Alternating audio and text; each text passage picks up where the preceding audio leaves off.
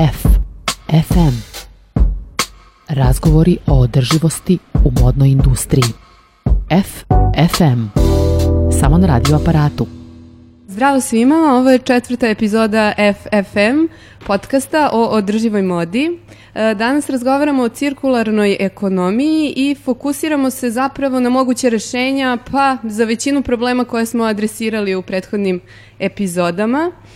Dakle, imajući u vidu današnji nivo razvoja kao i resursno neodrživ sistem proizvodnje, cirkularna ekonomija se izdvaja kao alternativa i koncept koji bi mogao da spreči potencijalno katastrofične posledice postojećeg sistema. Uh, ukratko bih samo rekla da je cirkularna ekonomija uh, sistem koji objedinjuje proces proizvodnje i proces upravljanja otpadom, a negde njegov glavni cilj jeste minimiziranje otpada i u najboljem idealnom slučaju uh, svođenje tog otpada na nulti nivo.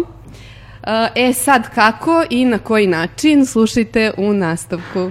Evo, na mene je došao red da predstavim naše gošće. Ovoga puta imamo tri dame ovde sa nama u studiju i to su Jelena Plavanski iz sektora industrije Privredne komore Srbije, zatim Nataša Gligorijević iz Prospera, Prospera centra i Žaklina Živković iz grupe za analizu i kreiranje javnih politika. I ja ću prvo pitanje um, postaviti Nataši, a to je jedno opšte mesto, a to je šta je cirkularna ekonomija, pošto ovaj, sa gomilom ljudi sa kojim sam razgovarala pre nego što smo uopšte se upustili u ovu temu, imala sam osjećaj da ni ne znaju uh, uopšte šta to znači, šta znači cirkularna ekonomija, nisu uopšte da mogli da um, povežu ovaj, taj pojam sa nekim sistemom održivog razvoja. Pa zdravo je sa moje strane. Pa da bismo razumeli šta je cirkularna ekonomija, mi pre svega treba da razumemo u kakvom to privrednom modelu živimo. To je model koji se naziva linearni i koji podrazumeva jednu nekontrolisanu eksploataciju materijala i resursa i protok materijala od fabrike preko korisnika do deponije. A, privreda razvijenih evropskih zemalja sve se više udaljava od tog modela linearne ekonomije koji se bazira na jednom principu koji podrazumeva uzmi, napravi i odbaci. To znači kada su potrebe resursi, oni uđu u proces proizvodnje, zatim proces raspodele do korisnika, kada korisnici iskoriste taj otpad, odnosno taj, ti proizvodi postaju otpad, deponuju se i tako ostaju neiskorišćeni. Sama cirkularna ekonomija nudi novi model, a to je proizvod, otpad, proizvod i ono što jeste osnovni izvor ekonomskog rasta u konceptu cirkularne ekonomije jeste da se veće sve veća ponovna upotreba materijala iz proizvoda koji su završili svoj životni ciklus i što manje korišćenje novih resursa. Dakle, ono što jeste poruka koju ovaj model nudi jeste ne razmišljate o otpadu, nego o proizvodu. Mm -hmm. a, dakle, o tome kako je on dizajniran, koliko je a, e, reciklabilan, kako je proizveden, koliko je prijateljski po samu okolinu.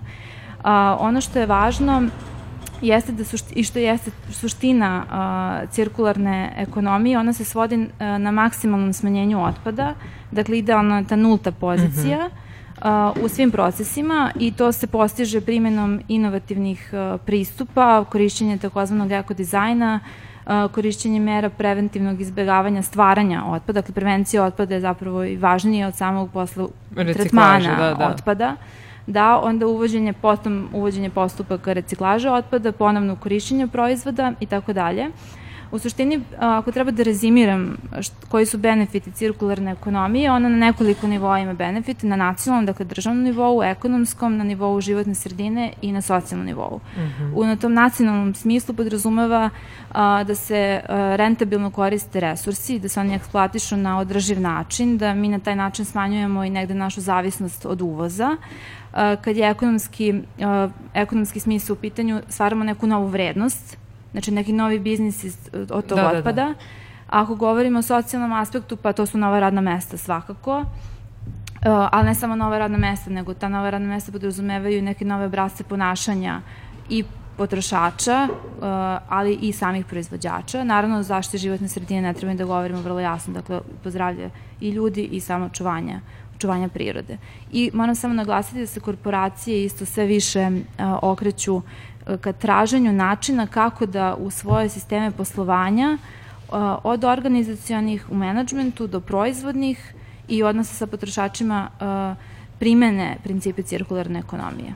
Eto, toliko za, za uvod, mislim da je bilo dovoljno. E, dobro, znači negde su Negde je značaj e, cirkularne ekonomije prepoznati na tom državnom nivou. E sad postoje brojne regulative i kada pričamo o Evropskoj uniji, ali me zanima znači kakva je situacija u inostranstvu na međunarodnom nivou, a kakva kod nas i kakvi su podsticaji za usmeravanje ka cirkularnom sistemu. Da, evo Nataša je dala jedan dobar, sveobuhvatan prikaz šta zaista cirkularna ekonomija znači i ona je proistakla iz iz činjenice da živimo u potrošačkom društvu i da su proizvodi koje koristimo imaju sve manji životni vek, odnosno sve ih kraće koristimo. A, ta činjenica je stvorila veliki pricak na prirodne resurse i uh, to se sad osjeća u ekonomiji jer uh, i čak i, i privatni sektor osjeća da, da mu nije isplativo da stalno koristi nove prirodne resurse jer su oni sve skuplji.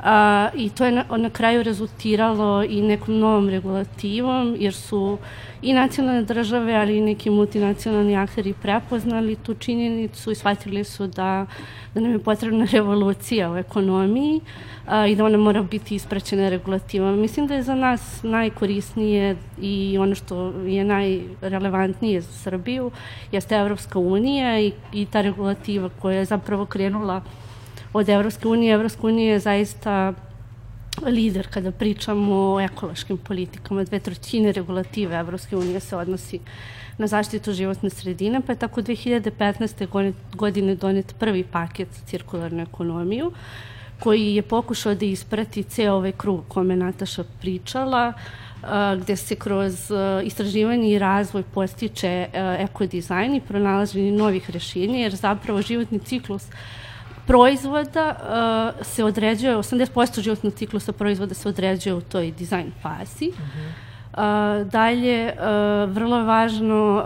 uh, I ono što je Evropska unija pokušala tim novim paketom cirkularne ekonomije da podstakne uh, jeste ponovno upotreba proizvoda. Uh, konkretno to znači duže garancije za uh, proizvode koje koristimo, uh, dostupnost uh, dijelova za njihovu popravku a, i sve one stvari koje smo nekako koristili dok se potrošačko društvo nije dovoljno razvilo da nam bude dovoljno jeftino da, da kupujemo nove proizvode, ne da ih popravljamo. Uh, I na kraju, uh, pa taj paket cirkularne ekonomije se odnosi i na uh, vrlo ambiciozne ciljeve za reciklažu. Uh, kažem na kraju zato što stvarno mislim da, da bi zaista cirkularna ekonomija zaživela su ovi koraci prethodni mnogo važni, uh, zato što uh, kada materijali dođu na reciklažu, oni su samo do određenog uh, stupnja reciklabilni. Ti targeti za reciklažu su 2018. odnosno prošle godine još više povećani još su ambiciozniji. Uh, A, I tako recimo ono što je, što je najinteresantnije je da je Evropska unija sebi postavila cilj da do 2035. godine samo 10% komunalnog otpada odlaže na deponije. Aha. Kada znamo da recimo u Srbiji trenutno recikliramo samo 5 do 7% da. komunalnog otpada, a da sve ostalo ide na deponije, znači oko mm -hmm. 95%, onda znate šta to znači i koliko je to ambiciozno. Da, postoje li u Srbiji regulative slične? Ili bar koje targetiraju e, te teme. Da, Srbija ima jednu staru strategiju upravljanja otpadom koja se oslanjala na regulativu Evropske unije pre ovih Novih, paketa za cirkularnu ekonomiju i ona podrazume uspostavljanje regionalnih deponija.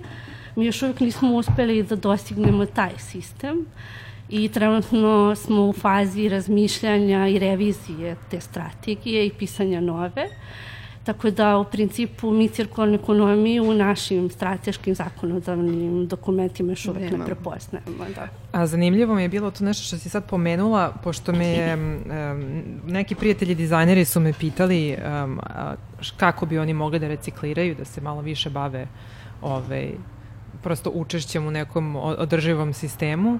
I, dakle, hoću da kažem ono što si ti rekla, da, da mora da se razmišlja o tome pre, uh, uopšte pre nego što se i uđe u sam proces i da bi možda ovaj, oni morali da sarađuju sa ljudima koji već sad recikliraju. Dakle, da prave svoju odeću tako da ona može da bude reciklabilna, je tako? Da, cirkul, cirkularna ekonomija je ekonomija. Znači, obrnuo se uh, trend u smislu da, da se ne svodi samo na savest ili na odgovornost, na već na biznis. Mm -hmm. I postoji veliki prostor za stvaranje novih radnih mjesta koja naravno i očuvavaju životnu sredinu i poštuju radnička prava i slično. Znači to je jedan holistički koncept i ne svodi se samo na životnu sredinu. A, I postoje velike prilike, o tome će Jelena više govoriti, mm -hmm. uh, za inovacije, posebno za, za ljude koji se bave dizajnom. Uh, I ono što je neophodno da, da se shvati je da je ovo multidisciplinarna oblast i da mora da postoji saradnja između... I multisektorski jeste, pristup. Da, jeste. Pa čak i taj uh, neki društveni aspekt mora da se, da se uključi. Mislim da je to jako važno da to ne bude samo inženjerski ili tehnički proces. Jer onda nećemo imati dovoljno Efekte, zadovoljavajuće da. rešenja. Da. Jer neko mora da koristi ta rešenja. Da. Tako je. A, a Jelena, u čemu je prednost cirkularne ekonomije sa tog poslovnog aspekta? Uh, Pa ima jako puno prednosti, a prije svega hvala na pozivu.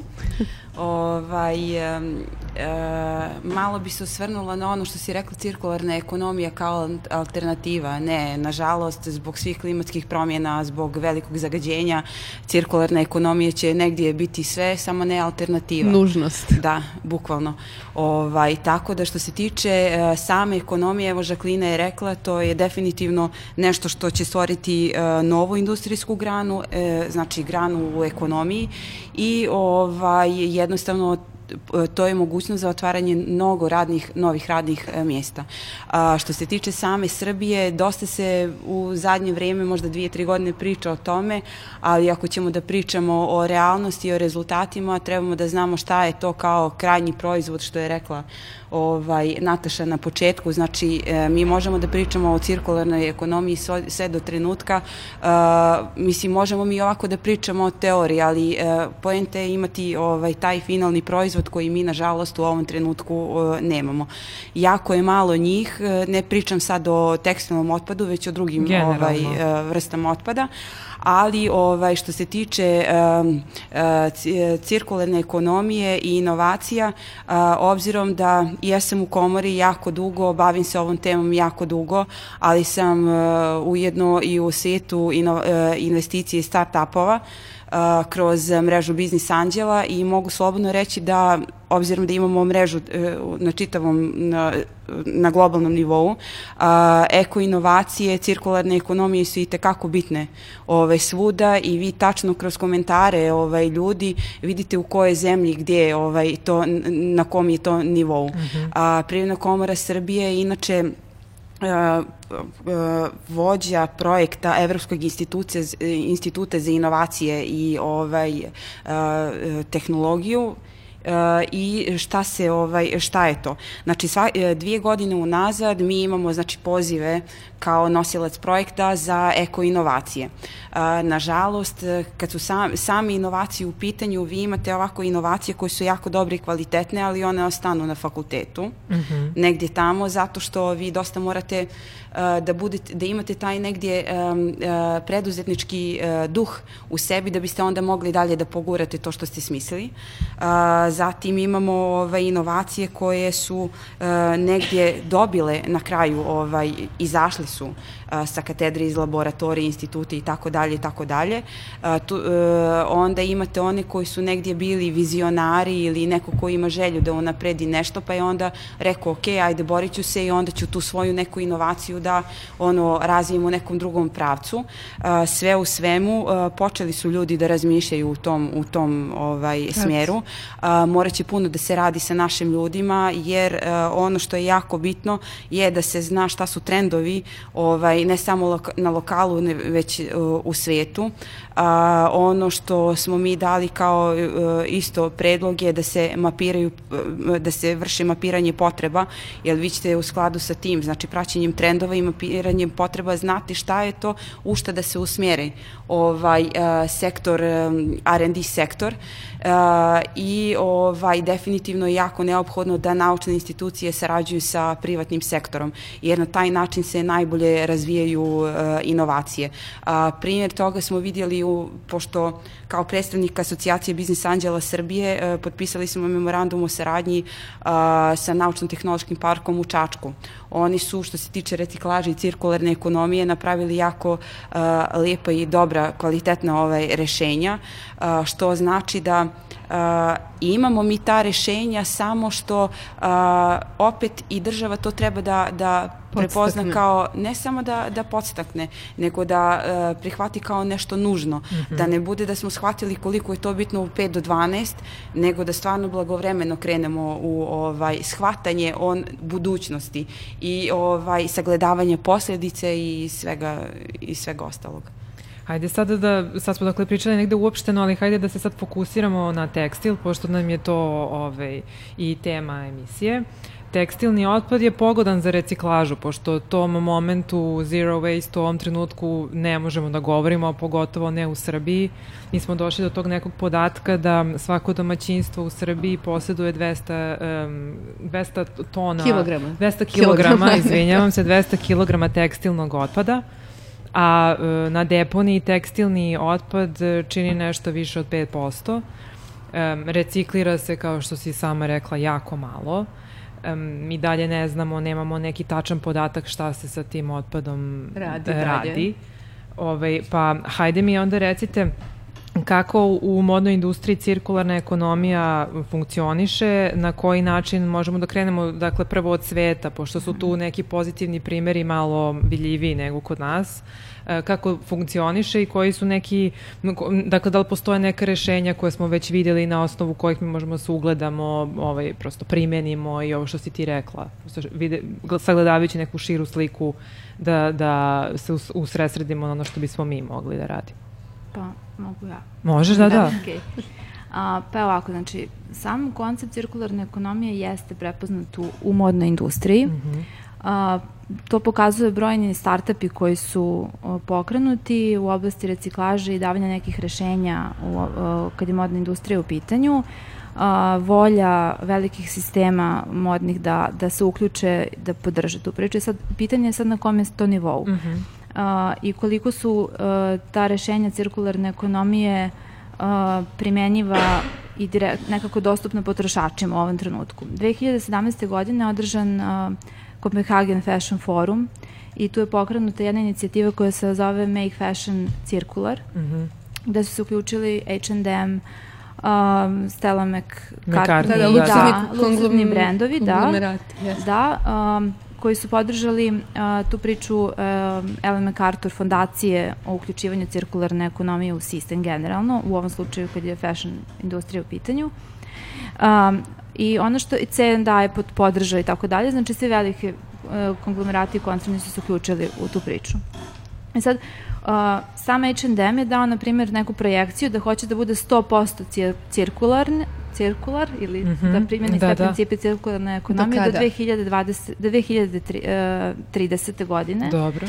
A, da li je to oni, i u idealnim uslovima realno? Pa, um, to je njihova misli? politika, njihova misija, oni su to tako definisali, uh, oni, na koji, gde oni vide da to uključe, da stvaraju nove proizvode od već postojećih, da njihove prodavnice, jer imate na vidu da oni imaju 4000 skoro objekata u svetu, nekih 3600, 23, 61 tržište, 23 online prodavnice.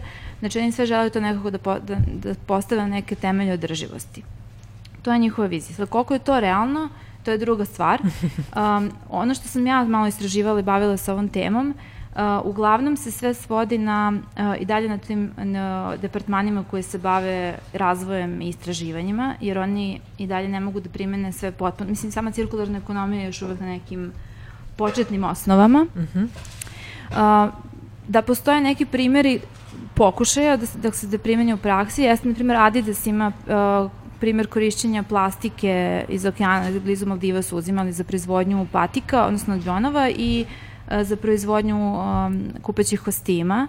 Uh, postoji jedan startup koji se zove sad Evernu ću ga izgovoriti, ne znam tačno kako se izgovara, Evernu, oni su zajedno sa Leve Strausom pokušali da uh, naprave uh, par farmerki od recikliranog pamuka. Za sad, e, ideje, šta je tu, tu se ogledate neki moment resursne efikasnosti i energetske efikasnosti, da e, 98% smanje upotrebu vode u proizvodnji, to je to je negde taj pozitivan efekt, ali to opet daje na nivou jednog, znači sve na, na nivou istraživanja i dalje. Um, postoji jedan um, startup ili jedna firma koja se bavi tehnološkim rešenjima uh, kad je reciklaža tekstila u pitanju, zove se Warn Again ili mhm, ponovo rođeni mm -hmm, iz mm -hmm. Londona.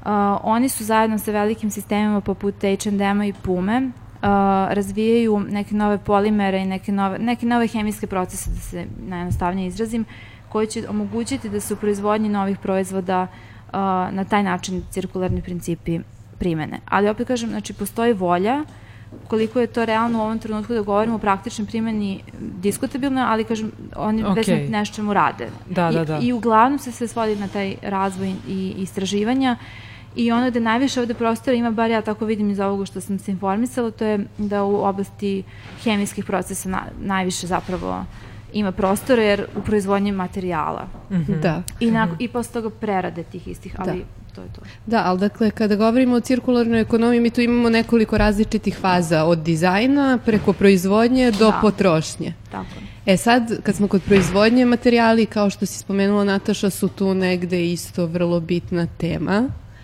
Obzirom da li su pogodni za reciklažu, da li nisu, koliko su štetni i slično, pa Žaklina, da li bi mogla malo na tu temu da nam kažeš nešto da, više? Zanimljivo za našu priču je da uh, tekstil, tekstilni otpad i tekstilna industrija da su nekako došli na kraju. Uh, prvo smo razmišljali o onim očiglednim materijalima koji zagađaju životnu sredinu i koji troše resurse i tek smo skoro počeli da razmišljamo pod pritiskom javnosti i nevladinog sektora, smo počeli da razmišljamo o modnoj industriji, industriji tekstila mm -hmm. i stvarno se došlo do šokantnih saznanja.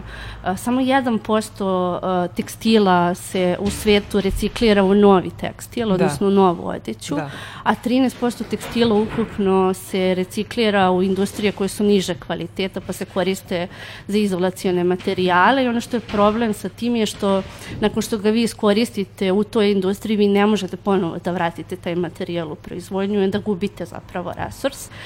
Uh, I ovaj, uh, da sad sam izgubila. Pa evo, mislim, mogu ja da, da, da se uključim sa nečim što si ti rekla, što mislim da bi moglo i tebi da pomogne, da uh, kad su brendovi u pitanju, um, našla sam neke primere koji ne zagovaraju samo reciklažu, već i popravku uh, starih odivnih predmeta. Da, po meni je zapravo najvažnije to da uh, promenimo negde svijest a mislim da je to kulturni problem u tome da nošena odeća koja je sasvim ok za, za ponovno korišćenje je ok da se ponovo koristi, a, a to je na nivou svijesti. Drugi nivo je da se to zaista i omogući građanima, da, da to ne bude a, voluntaristički, nego a, ono što je Nataša na početku rekla, da cirkularna ekonomija pruža mogućnost za te neke nove oblike ekonomije, A, pa tako sve više imate u Evropskoj uniji, posebno u Skandinaviji, koja zapravo ima najviše znanja o, o tome.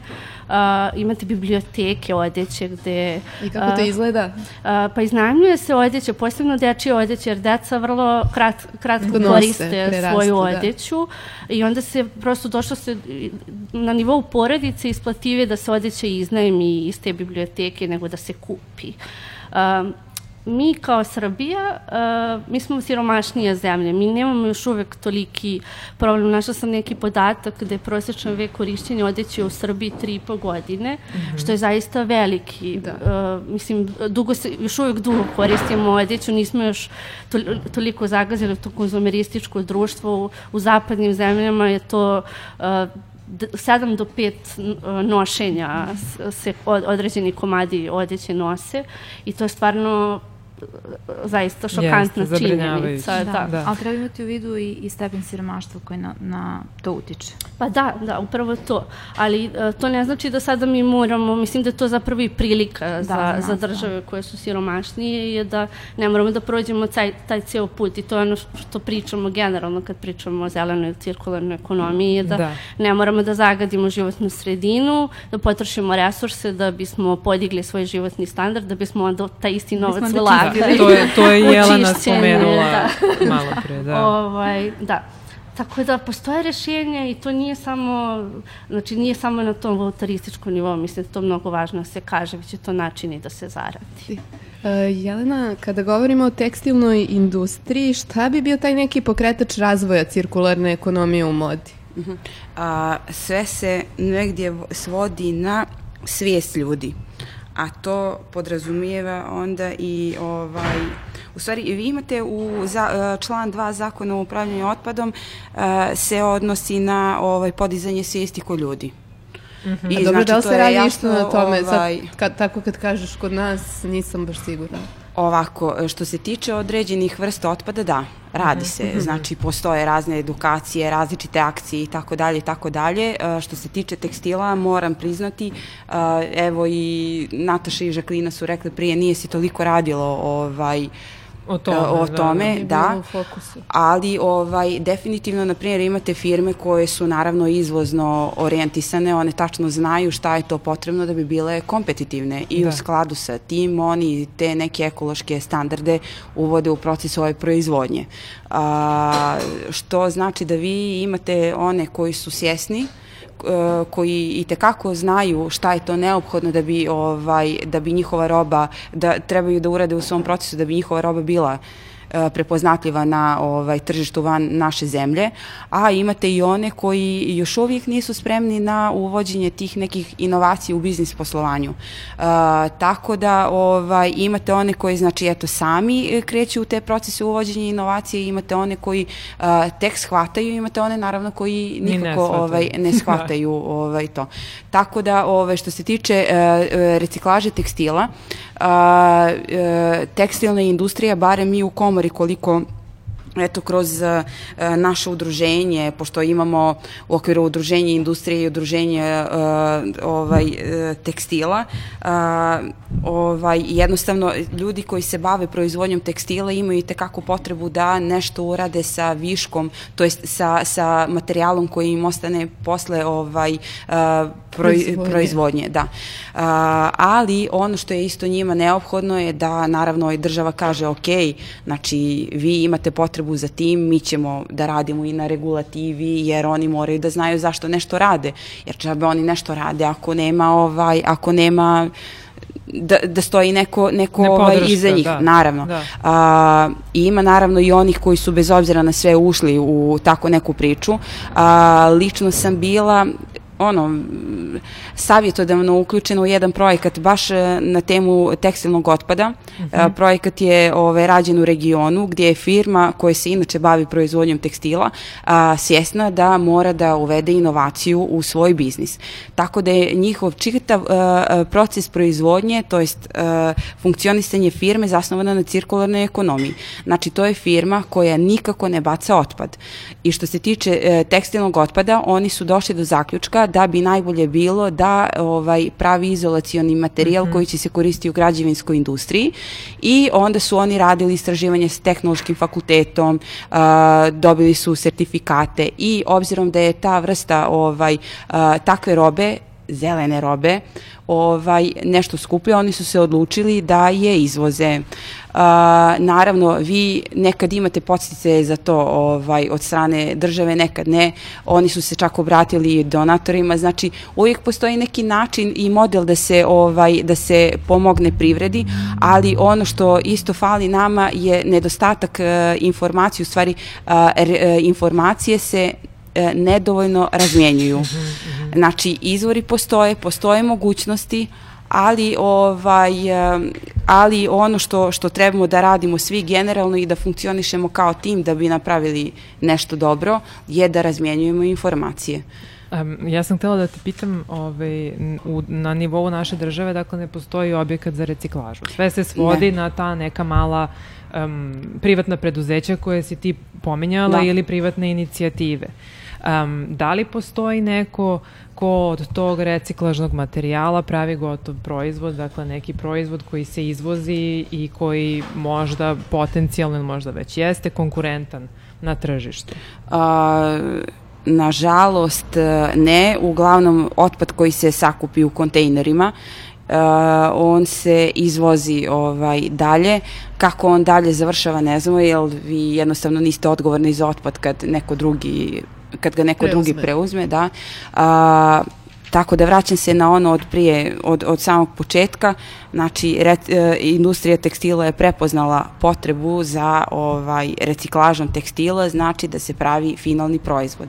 E vi sad od tekstila možete da pravite um, bilo šta, bi, ne mora samo odeća ne, da bude. Da. Ne, ne, ne, ne, daleko od toga. Evo, na primjer, imate ovaj konkretan primjer uh, za izolacione materijal za građevinsku Tako industriju. Tako. Vi možete ponovo da, da pravite ovaj uh, konac, možete da pravite kanap, možete svašta nešto da pravite. S time što, nažalost, e, kad je ta firma krenula da istražu šta bi bilo najbolje da se oni, ovaj, na šta da se usmjere, vi uh, najviše um, tih informacija imate na engleskom jeziku. Uh, dobro, hvala Bogu da barem nešto, po, nešto postoji, ali ovaj, uh, i na taj, tu, tu smo negdje vidjeli da bi stvarno trebalo malo više opet da se priča o tome, da bi naši ljudi, eto, kao što ne znaju šta je cirkularna ekonomija, lakše mm -hmm. mogli u stvari i na svom jeziku da shvate šta je to, koje su to prednosti, šta oni mogu da radi i tako dalje i tako dalje. Uh, tako da puno toga treba da se radi, to je jedan dugoročan proces. Uh, definitivno imamo ljudi koji, ljude koji su spremni da rade to. I iskreno se nadamo da ćemo stvarno biti dovoljno pametni ovaj, da i da iskoristimo. Da. Da. da, pa da, mi zapravo nemamo ni informacije one bazične, kao šta se dešava sa tekstilnim otpadom kad ih mi bacimo onaj kontejner za tekstil. Čak i kad tražimo na sajtu um, javnog komunalnog preduzeća, to nije dostupno dalje. Postoje neki podaci brojčani, šta se radi sa tim dalje, ali ništa dalje od toga. Da, postoji jedino podatak da se jednom nedeljno sigurno prazne kontejneri, ali se ne zna gde ide taj Pa da, ali dobro, zanima me, uh, to je pitanje negde za sve tri, gde je taj potencijal u Srbiji za razvoj novih biznis modela u tekstilnoj industriji i u pravcu cirkularne ekonomije? Šta biste rekli? Možda nešto malo konkretnije. Prosto mi smo već sad ovde negde pomenuli ovaj, neke primere. primere. Da. Pa, evo, vraćamo se ponovo na inovacije, na reciklažu, na cirkularnu ekonomiju, vraćamo se na praćenje trendova uh, i svega onoga i tekako, znači, trebamo da iskoristimo tu saradnju i nauke i privrede, da, je, da podstaknemo privredu da uvode inovacije u svoje procese proizvodnje, da podižemo svijest kod građana, znači da idemo korak po korak, ovaj, jer uh, to, to, to je nešto što, znači e, nama uh, negdje nedostaje ta, ta, ovaj, ta osnova. Mi smo, na primjer, eto kao zemlja imali jako dobru uh, kampanju za kese. Mm -hmm. što znači da one negdje daje rezultate, pa je onda grad Beograd uve, uveo pravilnik, donio pravilnik gdje do 2020. godine kese neće više moći da se koriste. Očigledno, u stvari, pošto su ljudi vizualna bića, treba nešto predstaviti na taj vizualni način da bi oni shvatili i treba se, pošto mi dobro shvatamo šta je cirkularna ekonomija, koji su procesi i tako dalje i tako dalje, ali da bi drugi ljudi shvatili čije to nije struka i koji uopšte ne razmišljaju o tome, znači sve to što se radi treba da se prilagodi da bi svi na kraju Razumeli. ovaj, shvatili. Imali da. razumevanje. Da. Da, Ja mislim da je, opet ću ponoviti, najveća prilika u tim inovativnim modelima i uh, mislim da je vrlo važno da krenemo od tog nekog pristupa od ozdo na gore, da podržimo male i srednje preduzeća. U Srbiji su to uglavnom socijalna preduzeća da. koja imaju i tu socijalnu uslugu. Ja uvek volim da pomenem Retex, odnosno ženski centar iz Užica. To su divne žene koje su radile u nekadašnjoj socijalističkoj tekstilnoj industriji i ostale su po, bez posla u privatizaciji. Uh, organizovale su se, napravile su taj ženski centar koji njemu je zapravo glavna komponenta ta socijalna, oni zapošljavaju ljude sa, žena sa invaliditetom i uh, samohrane majke prikupljaju putem donacija, ali imaju i ljude koji idu po domovima i skupljaju tekstil, znači možete da im se javite u Užicu da oni pokupe višak vašeg tekstila i onda prave nove proizvode, sarađuju sa ne, ne, recimo ne, odgovorne nevladine organizacije često uzimaju od njih cegere ili taj promotivni materijal koji koriste u svom svakodnevnom radu. A znači one prave nešto, dakle da, prave, prave materijal. novi proizvod, da. da, da, da. da. Mislim, Samo što, mi... da, u principu one nemaju uh, tu neku podršku da bi mogle da budu konkurentne na tržištu. To je još uvek na nivou, finansira se projektno i na nivou je te neke socijalne priče. Dakle, ne postoji priče. podrška od strane države da bi se stimulisao razvoj takvih Jeste, da. Mislim, modela. U, u principu, da, mali i srednji preduzeće u Srbiji, a posebno one koje se bave ekološkim i socijalnim preduzetništvom su jako lošem položaju jer uh, igraju istu tržišnu utakmicu sa velikim igračima, što se nig, nigde prosto ne dešava, jer je to nemoguće da vi budete konkurentni, posebno sa velikim kompanijama koji, recimo, strane kompanije, znamo svi u Srbiji, dobijaju subvencije za svoj rad, na primer. Da, da. Uh, dok oni naterani su da funkcionišu po potpuno tržišnim principima, od dana osnivanja moraju da plaćaju i poreze i doprinose i sve one stvari koje prosto nije, nije realno trenutno. Sertifikacije koje da, sertifikacije skupa. koje skupa, tako da E, mislim da, da je tu velik, velika šansa i velika šansa, recimo ja bih voljela da vidim u Srbiji neku građansku zadrugu koja bi recimo, iako su zadruge možda prokazane u, u, u našem regionu, ali u, u zapadnoj Evropi sve više imate građana koji se samo organizuju i pokreću i neki održivi biznis i to nisu one zadruge koje mi, da, da, da. kojih se mi sećamo. Uh, ja bih voljela recimo da vidim taj model u Srbiji i mislim da je to neka, neka budućnost kada pričamo o zelenoj Eto ideja. Ali da. dakle negde suština je da je pokretač razvoja cirkularne ekonomije zapravo privatni sektor. Jeste, Uz da. podršku da. naravno kad postoji institucija i države, I koja treba to da stimuliše. Regulativa svojim, da. je jako važna. Vi imate recimo u indu, ambalažnoj industriji uh, sistem produžene odgovornosti proizvođača u tekstilnoj industriji, on ne postoji gde vi imate princip da uh, kompanije koje stavljaju na tržište otpad plaćaju da bi se taj otpad sanirao. Te, te kompanije koje se bave i u modnoj industriji nemaju taj, mm -hmm. tu obavezu, tako mm -hmm. da... Ne, još jedna stvar koja je tekstilna industrija mnogo važna kod nas, to je što ne postoji definisano i to je ono što kompanije koje se bave tekstilom, šta je to otpad, a šta je nus proizvod.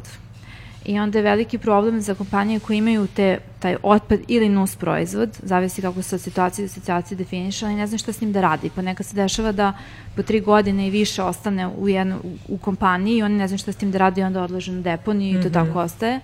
S druge strane, ako oni, na primjer, rade neke naše kompanije preradu ili bilo šta, kakvu vrstu proizvodnje za strane kompanije i prilikom te proizvodnje se desi tako opet otpad ili nus proizvod, uh, oni mora ko plaća carinu za to. Da li oni kada vraćaju taj proizvod nazad i izvoze ga, da li to kompanija koja otkupljuje ili naše kompanije. I to je isto nerešeno pitanje plaćanja carina. Znači, da li otpad uh, koji nastaje pri proizvodnji daju skladišterima ili reciklerima, reciklažnim postrojenjima, to je sve neregulisano. Znači, regulativa je apsolutno nedorečena i to je ono što stvara veliki, veliki problem. Ali ja moram samo da dodam, Žaklina je pomenula Retex i moram da pomenem Eco Bag. Koje se, to su da isto tako žene okupljene, um, uh, mislim da su 40 plus ili kako se već da, zove. 45 plus. Plus, da, akcijenti na toj kat, socijalnoj kategoriji. Uh, one prave tašne i isto tako te galanteriju od materijala sa billboarda. A, tako da kompanije koje se reklamiraju, one na izvestan način učestvuju posle nabav kupovini i otkupu tih a, za svoje potrebe a, samih a, proizvoda. Evo, ja bih samo dodala, sad kad, kada si spomenula te ove, ovaj, domaću tekstilnu industriju, dodala mm. bih da u, na području Srbije postoji 1800 tekstilnih kompanija. Um, takođe, evo ako smo pričali o Retexu, da to je jedan dobar podsjetnik za sve domaće dizajnere koji traže ovaj, održiv način a, poslovanja, a koji ne uspevaju na prostoru Srbije da dođu do organskih materijala, jer evo Jelena, mi smo pričala ranije, ni za to ne postoji e, nikakva regulacija, da li je materijal koji je uvezen ili proizveden napravljen od organskog pamuka, kakve hemikalije se koriste i tako dalje. Da? da ne postoji specifikacija. Uh, ne, mislim, do kako smo zaključka mi došli, ovaj, prošle godine, krajem prošle godine imali smo sastanak na temu, uh, baš smo pokrenuli ovaj, temu uh, reciklaža tekstila i šta dalje s tim, uh, gdje su na sastanku prisustovali, znači, uh, klaster, uh, koji okuplja kompanije koji se bave proizvodnjom ovaj, tekstila. Onda su bili ljudi iz naučnog sektora, koji već negdje sarađuju sa, sa njima. A, bile su kolege koji se bave reciklažom, ovaj, u stvari sakupljanjem i transportom i izvozom ovaj, tekstilnog otpada. Bile su kolege iz Agencije zašto životne sredine, Ministarstva zaštite životne sredine i grada Beograda, pošto je to bilo nešto na nivou eh, grada Beograda, ali u stvari proširilo se na čitavu Srbiju. A, došli smo do sledećih informacija, znači koje su iznale kolege iz udruženja tekstilne industrije. A, e, jako je slaba provjera ovaj, kvaliteta, to je specifikacija materijala koji se ovaj uvozi.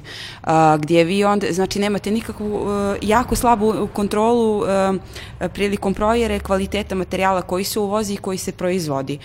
U jednom trenutku samo ne mogu da se sjetim šta su rekli, ovaj, a, firma je uvela, uvezla određeni, određenu robu i ljudi su ovaj, dobili uh, alergiju bili zato što definitivno to je bilo nešto toksično, ali niko nije ovaj, na adekvatan način proverio šta je to uvezeno.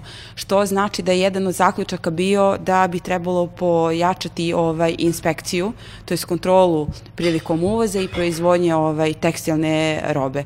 Uh, ono što se isto pokrenulo na tom sastanku, znači jedan od zaključaka je bio potreba uh, da se osnoje uh, grupacija za upravljanje tekstilnom, tekstilnim otpadom gdje bi ovaj, uh, učesnici to je članovi te grupacije bili svi ovaj stakeholder ja stalno engleski jezik da da da da koji se ovaj nalaze u tom ekosistemu.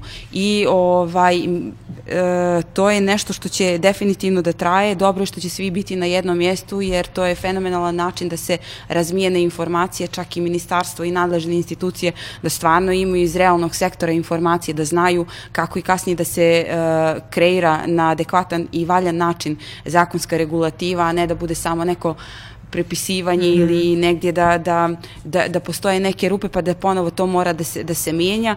Uh, tako da krenuli smo u tom pravcu, kao što sam rekla, treba će vremena, ali ovaj, definitivno eto, se nešto, nešto se radi. Da. da. E, malo pre ste za ovo pitanje sve ste složili i spomenuli inovacije, pa zanima me, Nataša, koji su to vidovi uh, inovacija koje Pa, cirkularna ekonomija stvar. Da, ako govorimo o inovacijama u cirkularnoj ekonomiji, dakle to možemo da stavimo u taj kontekst biznis modela i u tom smislu uh, možemo govoriti o tehnološkim inovacijama, o socijalnim inovacijama, o organizacijnim inovacijama u zavisnosti u koju grupu targetiramo kroz cirkularnu ekonomiju. Uh, zašto je to važno, da, zašto su takve podele prisutne? Pa zato što ne mogu sve kompanije da uvedu neka najsavremenija tehnološka rešenja, koje će smanjiti upotrebu vode, koje će smanjiti emisiju, emisiju štetnih gasova u samom procesu, ali ako govorimo o tehnološkim rešenjima, dakle na tome akcena, da se smanji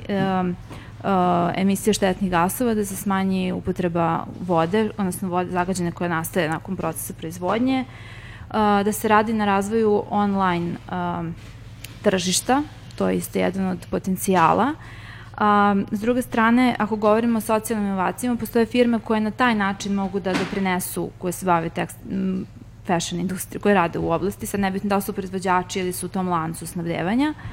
Uh, ideja je da se razvijaju neki modeli poput rentinga, poput nekih zajedničkih, na primjer H&M da sarađuje s nekim podizvođačima na način koji će njihov otpadni, njihov njihove proizvode koji nisu prodati na neki drugi način do, dovesti do potrošača. Uh, oblasti sertifikacije, to je ova socijalnih inovacija, jer se one direktno tiču proizvod, uh, potrošača, one se najviše utiču na, na krajnje potrošače. Vi danas imate zbog nedostatka resursa, odnosno zbog smanjenja količine resursa, u ovom slučaju govorimo o pamuku, da se proizvodi genetski modifikovani pamuk. Sad da. pitanje je kakav on može da ima uticaj na, na, na kožu, Da, a s druge strane mnogo, proizvo, mnogo a, tekstila se proizvodi u Kini i svedoci smo raznih a, kancerogenih materijala koji dolaze upravo zbog nekontrole i nesertifikacije i tako dalje. Uh, I jedan od, um, akcent kroz socijalne inovacije zapravo se ide na to što se zove slow fashion, za razliku od ovog fast fashiona u kojem mi da. živimo, znači da se manje proizvodi, da se manje proizvodi, da se... ako se već proizvodi, da se proizvodi iz reci, reciklira i da se novi proizvodi prave iz materijala od postojećih proizvoda, da se manje resursa koristi. I da se koriste kvalitetni materijali da bi se produžio životni vek. E sad, da, apsolutno. E sad, tu dolazimo, mislim, bar smo tačke gledišta do Ćorsaka, jer veliki sistemi su i rešenje i problem Tako je. zbog profita. Pa evo mi imamo baš primjer H&M-a koji ima tu taj program reciklaže gde vi ako reciklirate dobijete 15% popusta na kupovinu novog odevnog predmeta, a sad je meni evo izašla reklama na Instagramu dupli, dupli, po, dupli po popust, e, čime se dalje stimuliše nova kupovina a oni da recikliraju, ali od ukupne proizvodnje um, reciklirani materijali se koriste 1%. Dakle, oni recikliraju, ali da. jako malo. Tako da, to što si ti rekla, oni bi mogli da budu rešenje problema, ali još uvek su, su daleko od toga. Da. da. I još jedan, još jedan oblik, ako govorimo o tom organizacionom smislu, uh, inovacija, dakle to su nove rešenja koje je Žaklina pomenula uh, zadruge ili kooperative, uh, načini kako da se stvaraju ti mali biznisi da se uvedu u, u, u modnu industriju i da ponude neka drugačije rešenja. Dakle, kroz nevladine organizacije, a, kroz a, društ, a, socijalna preduzeća. Sad, malo pre Žaklina pomenula da socijalna preduzeća a, trče trku ovde sa re, regularnim korporacijama, mm -hmm. znači potpuno njima nedostižni ciljevi, a to je zato što je regulativa opet takva da ne dozvoljava da, da se realni benefiti ostvare kroz tu vrstu poslovanja.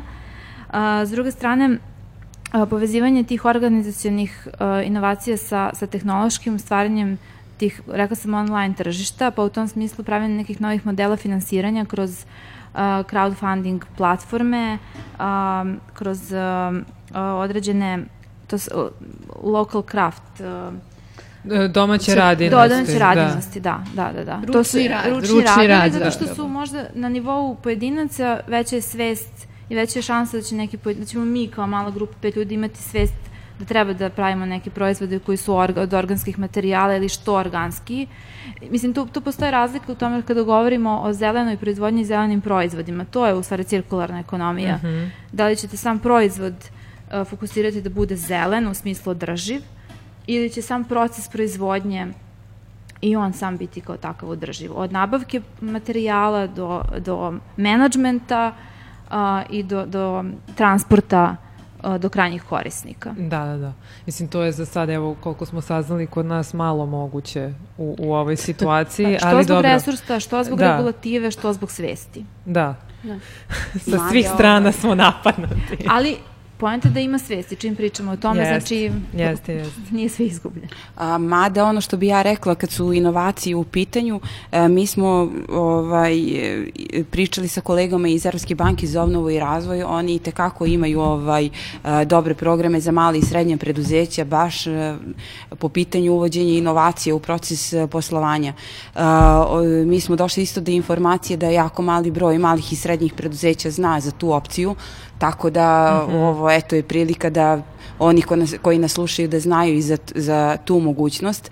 A, juče sam vidjela na internetu da je Ministarstvo privrede isto objavilo neki poziv. Kad su inovacije u pitanju imate ovaj, razne pozive na sajtu Ministarstva za inovacije.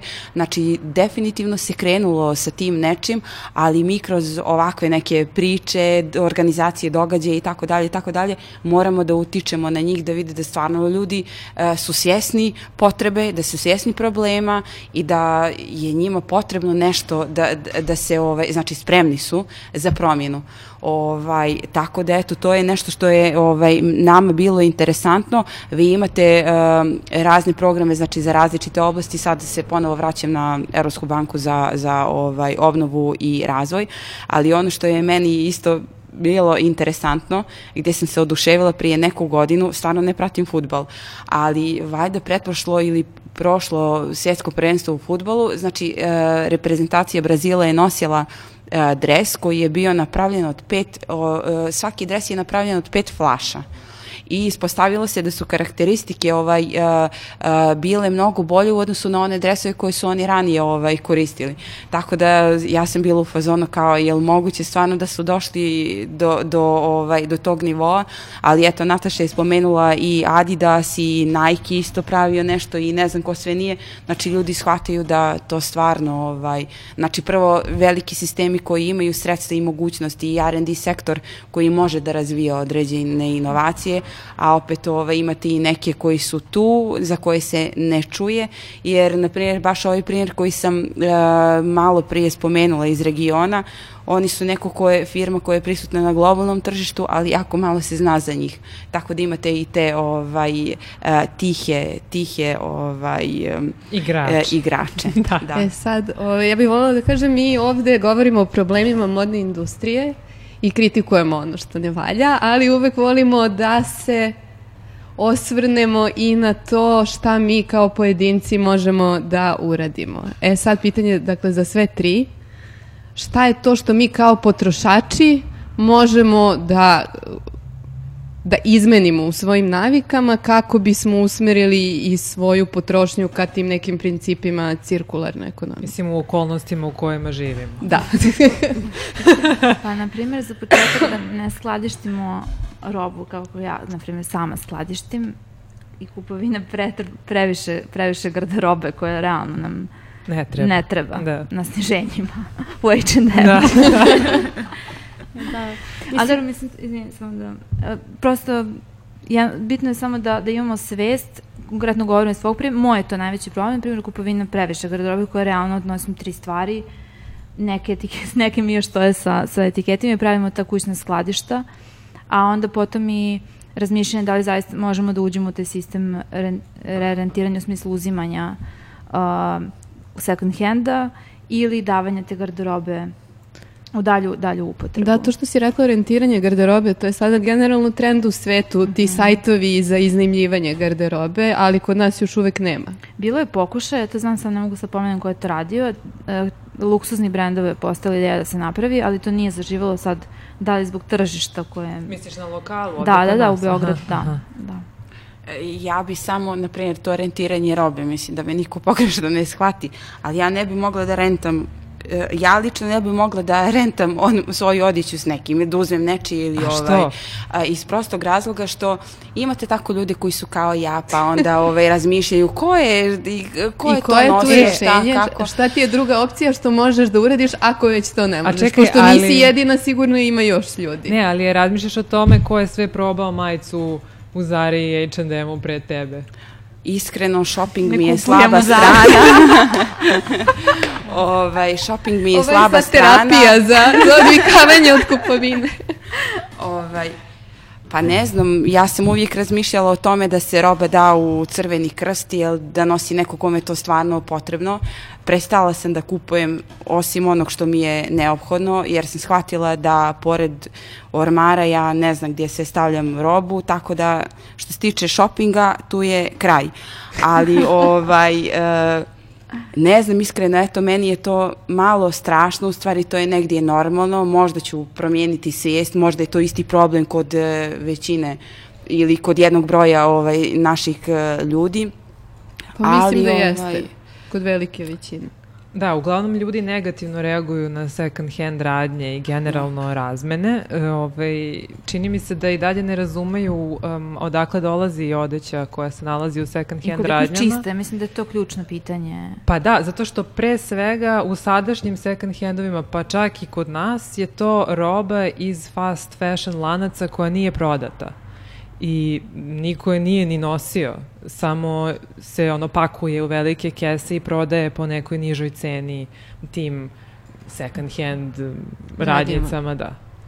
Pa dobro, ja sam imala priliku da odem u Berlin ovaj, u second hand kad su me poslali tamo, ja sam htjela da idem po klubovima. I pošto sam bila previše fancy, jel te, obučena, morala sam da budem na nivou. I naravno otišla sam tamo, ovaj, interesantno, stvarno, baš jedno novo iskustvo, ogroman prostor, ljudi normalno ovaj, isprobavaju odjeću i stvarno ima interesantnih ovaj, komada. Ali, na primjer, tamo je to normalno. Vi ovdje negdje čula sam uh, par komentara kao ja da me vidi neko da sam ušla i to mislim bože moj, ali opet se, ja, ja se ograđujem, ja stvarno mrzim shopping, to mi je, kao, to mi je noćna mora, ali ovo sam išla čisto zbog grada. Ne, da. ja isto mislim da generalno 80, ako ne i više posto našeg društva ima takav stav prema... A to je kulturološko pitanje. Jeste. Da. A sve više ljudi kupuje, ja, koje ja znam iz moju okolinu second handu, zbog finansijske situacije. Yes. Sad, to Da, treba se da, da, nekako da. miri taj odnos. Mada opet s druge strane cene u fast fashion lancima padaju poprilično i Da. onda ovaj, se to negde zapravo i niveliš. Niveliše. Da. Ovaj, Ne, eto, moramo, mislim, da budemo svesni i svih stvari. Ne znam, od 70. godina od kad postoji ekološki pokret, nekako pokušavamo da upozorimo i da utičemo na to da se prevaziđe to konzumerističko društvo, ali je činjenica da mi ono antropološki imamo neku potrebu da posjedujemo što više stvari i da to nije baš tako jednostavno prevazići.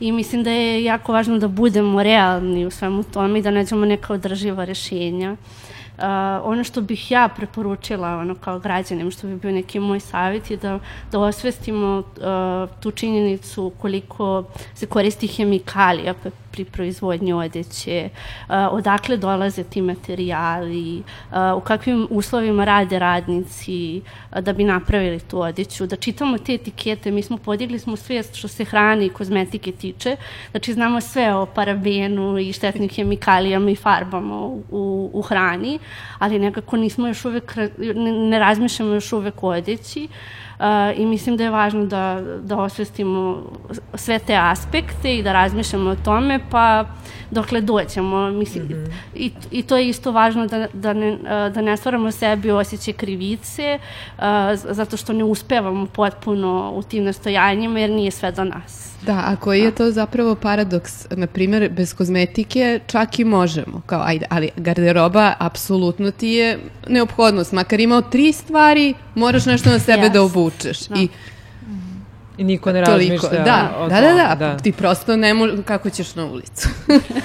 Pa jeste, to je, to, to je ono što sam malo pre rekla da su veliki sistemi i problem i rešenje. To je isto kao zavisnost od, od pušenja. Ljudi znaju da znači, suoče sa ovom slikom raka pluća i opet Da. puše se, zamisli sa nivou garderobe koja ne narušava tako direktno zdravlje, ako na izvestan način da dodir, dodiruje se sa kožom, ali ne doživljavamo to na takav način. Da. Tako da mislim da ta, ta borba tek predstoji, da se... Jeste, ali mislim treba dizati svesti među Da, da, ljudima. apsolutno. mislim, inf raspoloživost informacija je takođe, takođe važna stvar. To je ono što smo Dunja i ja pričale. Mi kad smo počeli ovom temom da se bavimo um, materijal koji smo mogli da nađemo na srpskom jeziku, a baš uh, koji se bavi tekstilnom industrijom, pa malte ne nepostojeći. Ljudi se prosto ne zanimaju za to. Da li je to što im je prosto to neozbiljno, ne shvataju Da. da je zanimljivo ili važno, ne znam, ne znam, Ja ali to je činjenica. Mislim da isto još važno samo dodati da kada se odluče da recikliraju i da odlažu, da, da se raspitaju gde da odlažu, na koji način, da ne mešaju materijale koji možda kada odu posle reciklažu upropaste ceo proizvodni proces, jer neki materijali ne mogu zajedno da se... Hajde samo da pomenemo to, eto, to je možda zanimljivo baš za ljude koji nose stvari u H&M, da ne- neke, neki blendovi materijala ne mogu uopšte da se recikliraju, Da. test morali bi da se razlažu na komponente, što je dosta komplikovano. I skupo. I skupo, da, tako da eto, ako već nose stvari, neka imaju u vidu da bi bilo dobro da ponesu nešto što je 100% od jednog materijala, je li tako? Da, da, da. Da. E pa dobro, žene, hvala vam puno što ste Hvala. bile. Hvala na pozivu. Hvala. Mislim da je Hvala. ovo, ovo bila jedna uspešna misija širenja ove, Svesti. svesti o, o neophodnosti reciklaže i kako funkcioniše cirkularna ekonomija. Vama hvala što ste nas slušali i vidimo se za dve nedelje. To jest čujemo se, izvinjavam se. čujemo se za dve nedelje. Ćao. Ćao. F. FM. Razgovori o održivosti u modnoj industriji. F. FM. Samo na radioaparatu.